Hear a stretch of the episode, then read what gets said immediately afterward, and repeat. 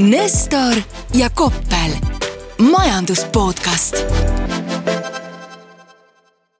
tere kuulama Nestor ja Koppel majandus podcasti. mina olen äh, Nestor, SEB majandusanalüütik, meil on käes kuupäev null kaheksa, null kaheksa, kaks tuhat kakskümmend kolm ja, ja mina ja Koppel oleme tagasi tulnud puhkuselt ja ma lubasin öelda, et ka Peetri ametinimetuse, et minu, minu hea kaaslane sellel teekonnal, Peeter Koppel, Redgate Capitali rahaboss. sobib.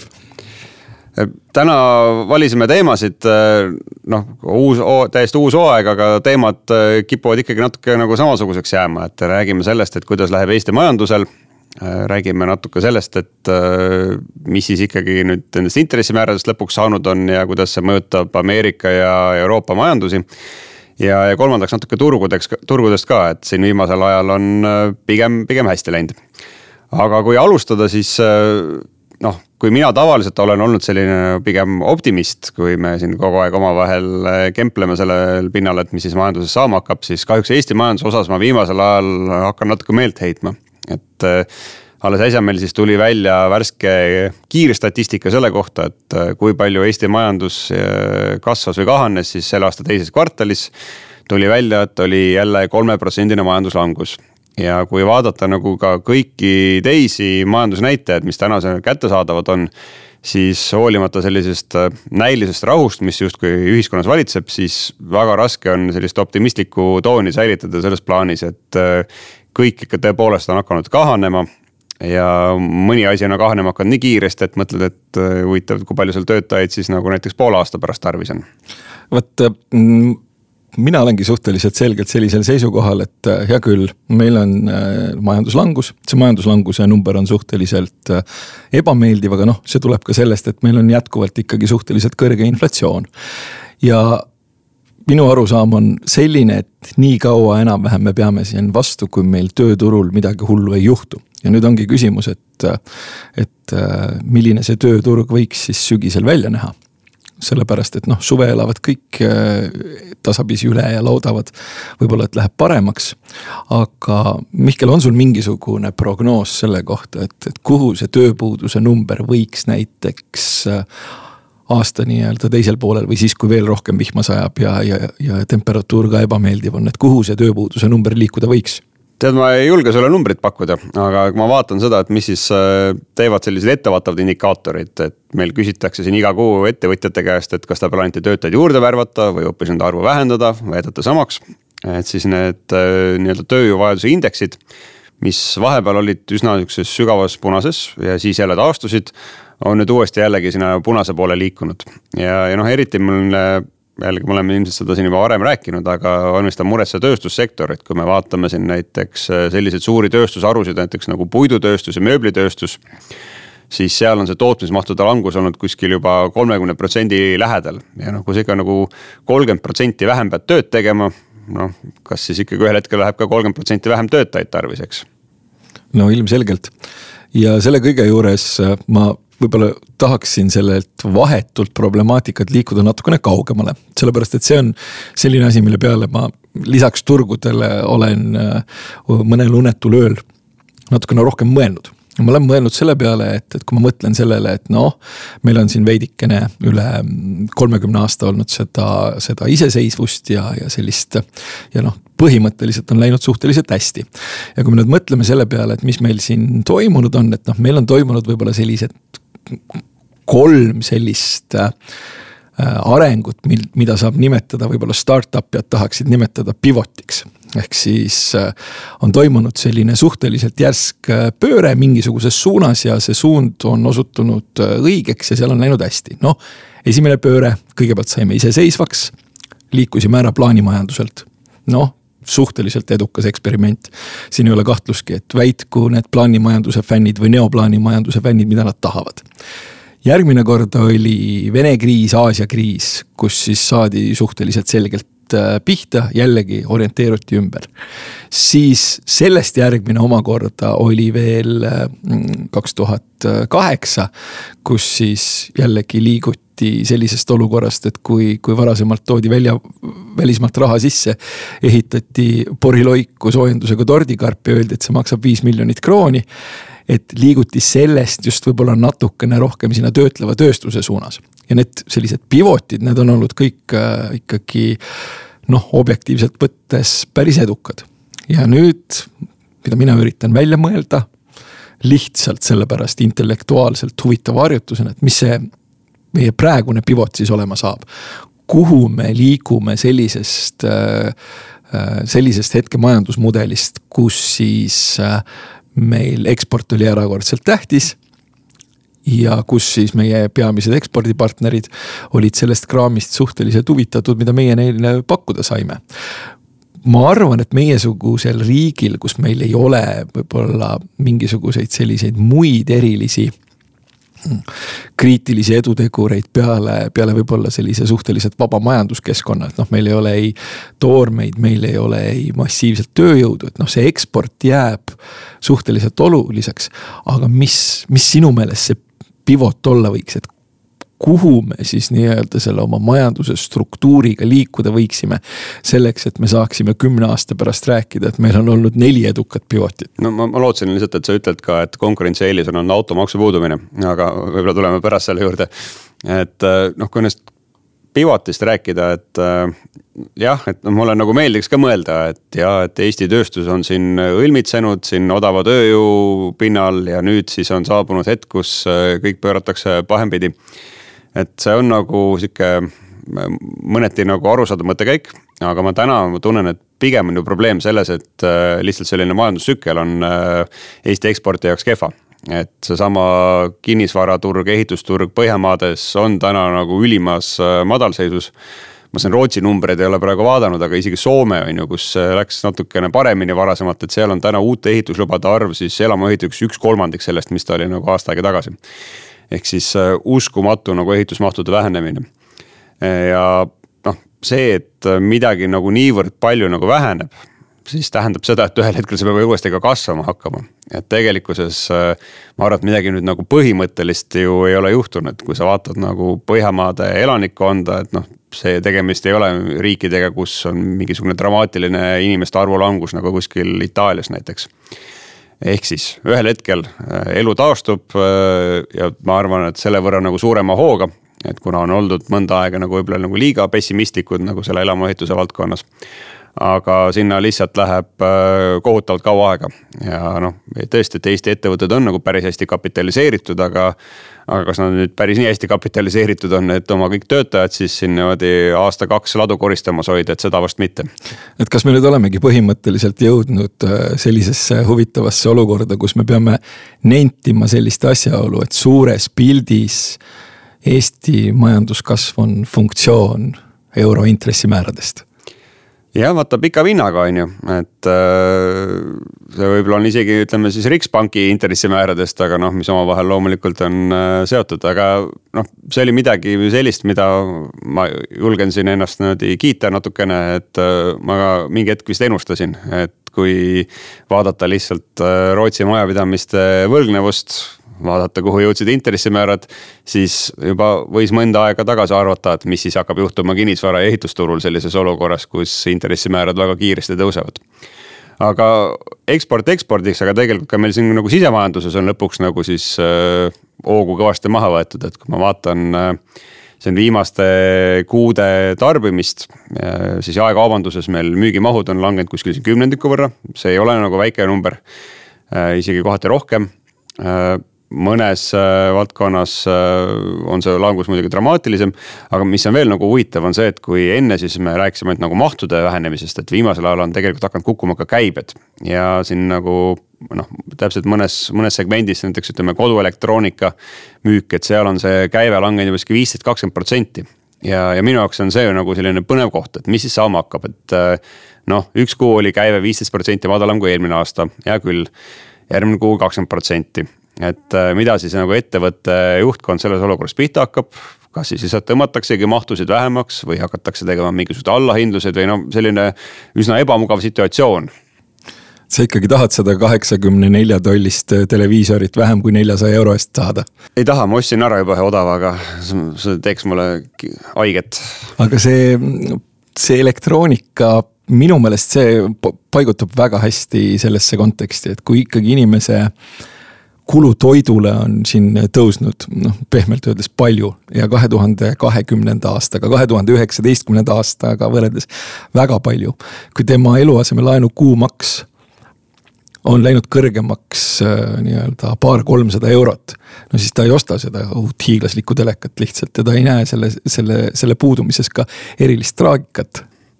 no traagikat võib-olla näeb, aga elu vajab elamist, on ju et äh, mis on nagu üks valdkond, kus siiamaani tegelikult on veel nagu hästi läinud, on siis äh, teenussektor, eks. et äh, hotellid, restoranid, et seal on endiselt nagu müük kõrgem kui eelmisel aastal aga ka siin ma ikkagi nagu usuks, et ühel hetkel saabub mingisugune rahunemine, et noh, täpselt samamoodi, et nagu sa jätad ostmata selle väga suure teleka. siis noh, me ei taha ikka vist nii mitu korda kuus restoranis enam käia, kui siin kodulaenumakse ikkagi poolteist korda võib-olla suurem on kui varem no vot, minul kodulaenumakset ei ole, aga olles ka suve puhul sattunud erinevatesse söögikohtadesse, siis äh, noh, ma pakun, et võib-olla äh, viimati selliseid reaktsioone menüüs sisalduvate numbrite kohta oli minul võib-olla aastal, ma ei tea, kaks tuhat kaheksa kui veel, kui oli, oli, oli kriis ja mingisugust sellist adapteerumist mõningates kohtades polnud toimunud. et ma ikkagi olen öelnud ohhoo ja ahhaa ja, ja tunnistan, et kuigi suhteliselt suure söögisõbrana, ma olen üht-teist jätnud lihtsalt võtmata, sellepärast et see on tundunud minu jaoks absurdne, nii et äh, tead, kus lahendad või? mina, ma just käisin Tartus oma lemmikrestoranis, vaatasin, et hinnatase oli kaks korda kõrgem, kui ma mäletasin. siis ma võtsin sõbraga kahe peale, siis oli noh, tead, tuli nagu vana hinnaga nii-öelda. ega vist muud üle ei jää, aga ja teine asi, kui ma nagu sellele teenindussektorile ja just võib-olla sellele toitlustussektorile mõtlen, et noh, suvi, eks ole, eufooria, turistid, äh, lootus, et äkki läheb midagi paremaks, et kui nüüd nagu sügise poole liikuda, siis noh, sina oled siin kergelt pessimistlik, mina olen siin nii-öelda kergelt pessimistlik, et no ei usu võib-olla, et nagu väga palju paremaks läheb, et ei ole ainult, et hinnad lähevad kallimaks ja, ja portsud lähevad väiksemaks, et ma kahtlustan, et nii mõni mõnigi peab, mõnigi koht peab võib-olla isegi ka oma nii-öelda asjad kokku pakkima aga rasked ajad on head, siis saab jälle mõne Eesti väärtfilmi vändata, kus äh, tühi tuul ulub üle sombuste väljade. vaatad ka äh, uppunud tursanäoga kaugusse ja ohkad ja siis ütled ei. aga siit läheks üle nüüd äh, tegelikult meist natuke kaugemale Euroopasse, kus ja, ja ka miks mitte Ameerikasse, et kus võib-olla seda nagu masendust on tegelikult äh, vähem ja pigem viimasel ajal niisuguseid optimisminoote tunda ja üks põhjus selleks on siis see, et äh, noh, vähemalt minu väitel siis nagu täna ikkagi kiputakse valdavalt uskuma, et suured keskpangad, USA-s Föderaalreserv ja Euroopas Euroopa Keskpank on siis jõudnud oma intressitõusudega ühele poole. ja siit edasi hakkab ainult ülesmäge minema meil.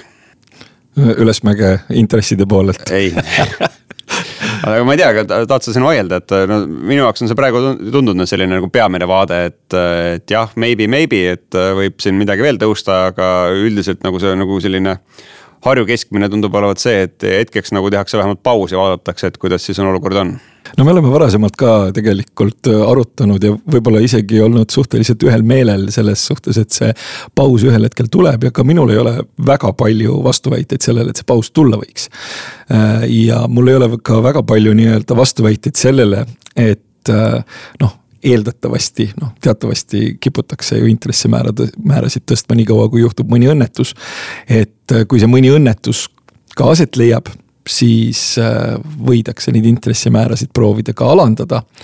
aga ma jätkuvalt jään selle seisukoha juurde, et äh, kõik need sellise inflatsiooni loonud mm, või enamus inflatsiooni loonud äh, asjaoludest on, pulbitseb kuskil kaane all edasi ja kui sa seda kaant veidikene nii-öelda praotad, siis see aur vähemalt pääseb seal jälle, pääseb sealt jälle välja.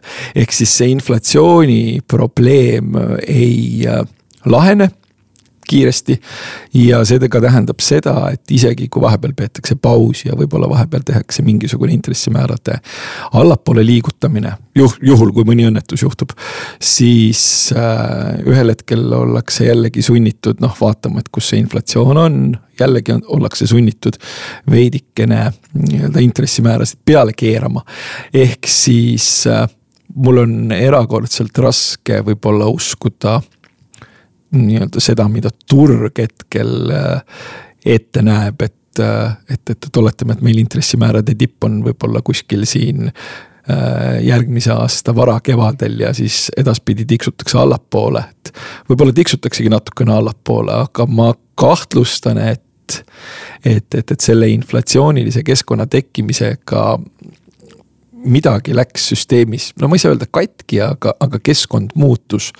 ja me ilmselt oleme pigem kõrgemate intressimäärade keskkonnas ja pigem kauem, kui me, kui me eeldasime no Euroopa Keskpank muidugi võiks ühe korra veel tõsta null koma kakskümmend viis protsenti, siis mul läks lihtsalt see number paremini meelde, et äh, hoius intressimäär neli protsenti. Aga selle juures kehva lugu muidugi on see, et äh, mis minu selline võib-olla nagu hirmustsenaarium on, on see, et äh, me Euroopas siin vaatame, et näed, alusinflatsioon on siin üsna jonnakalt, sealt vist oli kuskil nelja poole protsendi juures, eks ja sealt ei taha kuidagi alla minna ja muretseme siin teenussektoris palgatõusude pärast ja siis keerame seda peale ja peale, peale.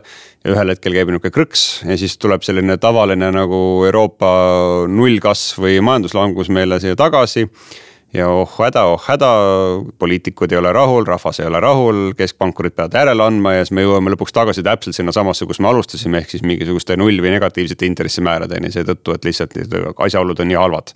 et no seda tahaks nagu vältida, et hea meelega võib-olla elaks siin kahe protsendi asemel inflatsiooni puhul nagu pigem sihukese neljaprotsendise inflatsiooniga. aga ärge jumala eest nagu sinna nagu tagasi minge, et kus me, kus me varasemalt olime. jah, sellepärast et noh, jällegi ma arvan, et me mõlemad oleme nõus ja me oleme sellest sellest varem rääkinud, et äh, raha hind on ka riskihind ja riskihind ei ole kunagi null. ehk siis äh, nullintresside määra, nullintressimäärade puhul võtavad inimesed, teevad rahaga lihtsalt lollusi. ja see raha liigub sellistesse kohtadesse, kuhu ta liikuma ei peaks ja kus ta tegelikult äh, noh, kuidas nüüd öelda, ühiskonnale ka just erilist kasu ei too, nii et loodetavasti sinna, sinna ei liiguta. ja kui liigutakse, siis noh juhtub jällegi see, mis eelmine kord juhtus. ehk siis raha tegi lollusi ja ühel hetkel tuli ikkagi ka inflatsioon tagasi. aga noh jah, siin Euroopa puhul ma ütleks ka, et keskpankurid, kuigi nad räägivad sellest kaheprotsendisest eesmärgist, siis ma ei tea, kas nad päriselt ka seda mõtlevad, et noh, kui, kui mõelda selle Euroopa nagu majanduse pikaajaliste hädade peale siis mul kuskilt majandusteooriast on nagu meeles, et kui, kui ühes riigis on inflatsioon üsna kõrge, siis valuuta jaoks tähendab see pigem sellist nagu odavnemist, ehk siis euro oleks äh, parema kursiga Euroopa kaubad natuke konkurentsivõimelisemad, kui me vaatame, on ju siin äh, võlatasemeid nii riikide kui siin ka tegelikult ettevõtete, eraisikute puhul. siis ega noh, see ei teeks ka nüüd paha, et meil siin äh, oleks mõningane periood äh, natukene kõrgemat inflatsiooni, mis selle võlataseme talutavamaks muudaks, et. tegelikult kõik oleksid õnnelikud, et jah, jumala eest, et noh, keegi ei soovi seda, et see inflatsioon nüüd siin kuskilt tõesti mingis Zimbabwe stiilis äh, piruetti hakkaks tegema. aga noh, suures plaanis, et noh, kahe protsendi asemel kolm-neli protsenti, see oleks täiesti okei okay, ilmselt mul on äh, kodus kahe pleksiklaasi vahel äh, Zimbabwe raha täht, millele on peale joonistatud nii palju nulle, et vist kokku tuleb triljon, nii et loodetavasti mitte midagi sellist, aga ma olen sihuka, täna tundub noh, tormijärgselt ja, ja uuesti kokku saades tundub, et me oleme, me oleme, me oleme suhteliselt nõus. mina olen suhteliselt veendunud selles, et majanduspoliitika ohjajad äh, vaatavad seda inflatsiooni jah, samuti pigem sellises kontekstis, et äh, ta nagu sõna otseses mõttes liiga lappama ei läheks.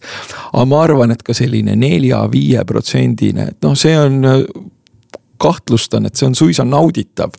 see on suisa nauditav sellepärast, et just nimelt see aitab hoida reaalintressid negatiivsed. ja re negatiivsed reaalintressid teevad õnnelikuks äh, lõunaeurooplasi. negatiivsed reaalintressid teevad äh, rõõmsaks kõiki, kellel, äh, kes, kes korralikult võlgu on. eeldusel, et nad suudavad seda laenu teenindada ja, ja, ja põhimõtteliselt ma arvan, et jälgitakse niimoodi käsi hõõrudes seda, et kuidas lõunaeurooplaste võlakoorem või üldse see võlakoorma probleem niimoodi tasapisi, tasapisi äh, lahustub. ja, ja see, et kui nad aeg-ajalt võtavad, tuleb tuleb prantslanna oma Hermee salliga ja viibutab näpuga ja ütleb suht midagi, midagi suhteliselt kurja, siis noh keskpankurite seisukohad sõltuvad nende istekohast keskpankurid võtavad, juhivad protsesse ka nii-öelda sellega, et mismoodi, mismoodi ja milliseid sõnu nad kasutavad. ehk siis sellest ei maksa minu meelest sattuda liiga suurde paanikasse, vaid tasub ikkagi mõelda sellele, et kui me mõtleme Euroopa konteksti ja kui me mõtleme globaalset konteksti, siis äh, sellest huvitatud, et reaalintressid oleks positiivsed ja, ja raha päriselt niimoodi maksaks, et lööme rusikaga lauale ja ütleme, et raha päriselt maksab.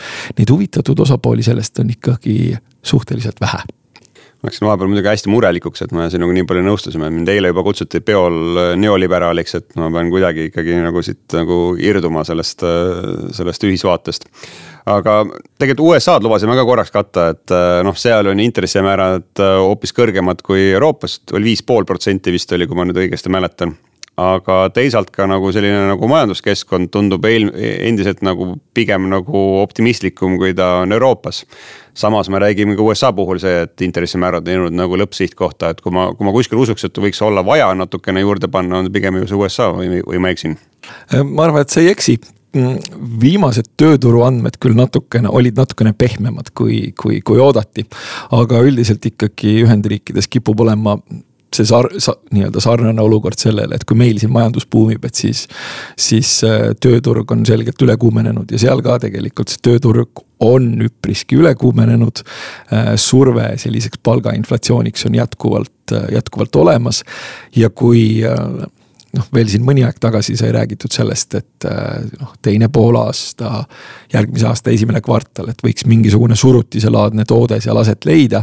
siis nüüd selliseid arvamusi on natukene koomale tõmmatud.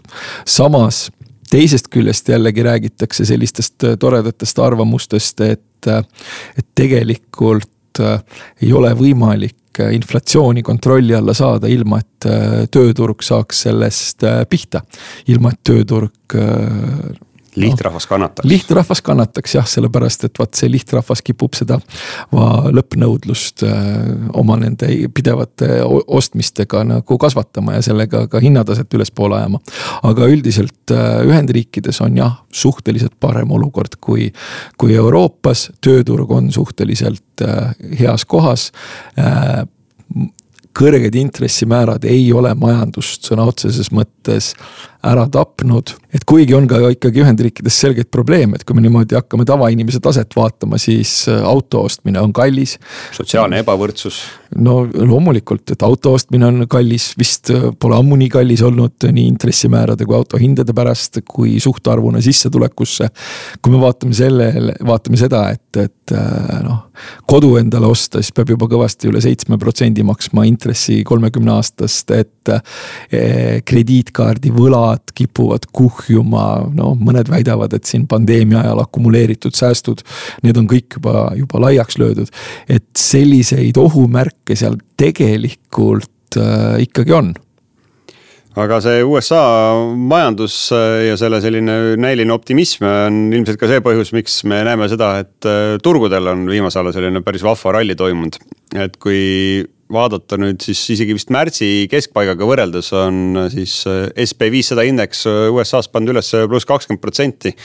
ja, ja võrreldes siis eelmise sügise madalpunktiga, mis paraku oli ka hetk, kui mina pidin oma aktsiaportfelli realiseerima, on toimunud sihuke kahekümne kaheksa protsentine kasv vist oli see ja, ja noh, see on pannud siin nagu nii mõnedki no, muidugi vahepeal pead vangutama, et see kõik ei ole üldse nagu põhjendatud ja, ja vaadake nüüd ikkagi nagu reaalseid majandusnäitajaid, aga noh, kui turg kasvab, siis turg kasvab, on ju. kui turg kasvab, siis turg kasvab lihtsalt ähm, kui juhtub selline olukord, nagu praegu on juhtunud, et siis äh, ütleme, sellised suhtarvud kipuvad nii-öelda nende nii-öelda põhjendatud tasemetest kohati nagu suhteliselt kaugele minema, siis tuleb selle turuga lihtsalt ettevaatlik olla. ja teine asi, kus loomulikult minu meelest tuleb ettevaatlik olla, et kui ikkagi mm, majandusmeedias, olgu see siis kohalik või olgu see siis globaalne, tulevad hästi, tulevad sellised nooremapoolsed ja hästi rõõmsa näoga poisid ja ütlevad, et vot, kas, kus me nüüd siis hakkame nagu keevitama. ja nüüd me keevitame niimoodi, et on korralikult keevitatud ja no. Ja... ma kuskil, mul jäi kuskilt meelde selline nagu tore nagu väljend oli, et mis oli vist juba kuskil kolmekümnendatel kellegi kuulsa USA investori poolt äh, välja mõeldud, et äh, pulliturg, et see sünnib pessimismist, kasvab äh, skeptitsismist Äh, küpseb optimismis ja sureb eufooriasse. noh, seda, seda eufooriat on natukene ikkagi äh, kohati näha ja mul ei ole mingisugust noh. no mulle tundub, et me oleme seal optimismi faasis hetkel, aga.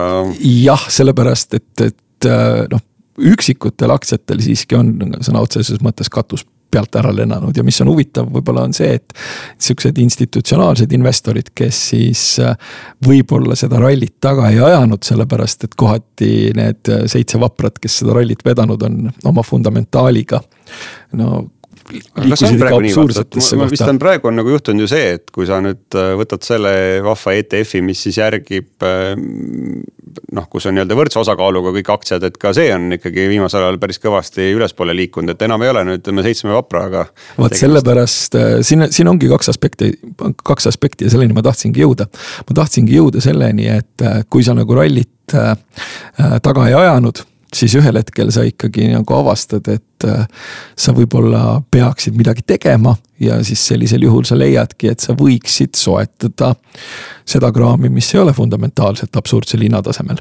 ja see võrdsete osakaaludega mm, nii-öelda SB viiesaja soetamine. see oli üks minu selline tees juba sellisel hivi, hiliskevadel. ja see on minu meelest olnud justkui enam-vähem äh, õigustatud mõte. loomulikult siin mingisugusest aasta algusest äh, kakssada protsenti üles liikunud äh, Nvidia ja sada protsenti üles liikunud Tesla ja sada kuuskümmend protsenti üles liikunud Facebook, et noh. Need kolmekohalised protsendimäärad ei ole nüüd sellised, äh, millest äh, sellises kontekstis nagu nii hästi oleks osa saanud. aga institutsionaalsed investorid on jah leidnud, et okei okay,, kui kogu turg läheb ülesse, ostame siis seda kraami mis äh, ei ole fundamentaalselt absurdne. Ja see on ka siis selle võrdsete osakaaludega indeksi ja sellele põhineva instrumendi äh, üles ajanud. Aga põnev on see, et see optimism on isegi üle kandunud, mulle tundub nagu Euroopasse, et äh, näiteks Saksamaa, kelle majandusel siin ei ole just kõige paremad päevad, et see DAX nelikümmend indeks on seal vist oli pluss viisteist protsenti võrreldes siin aasta algusega, et noh, ka see on ikkagi päris tubli tulemus, arvestades seda, et Euroopa puhul minu meelest nagu selliseks optimismiks võib-olla põhjust polegi, kui vaatame seda reaalmajanduse poolt.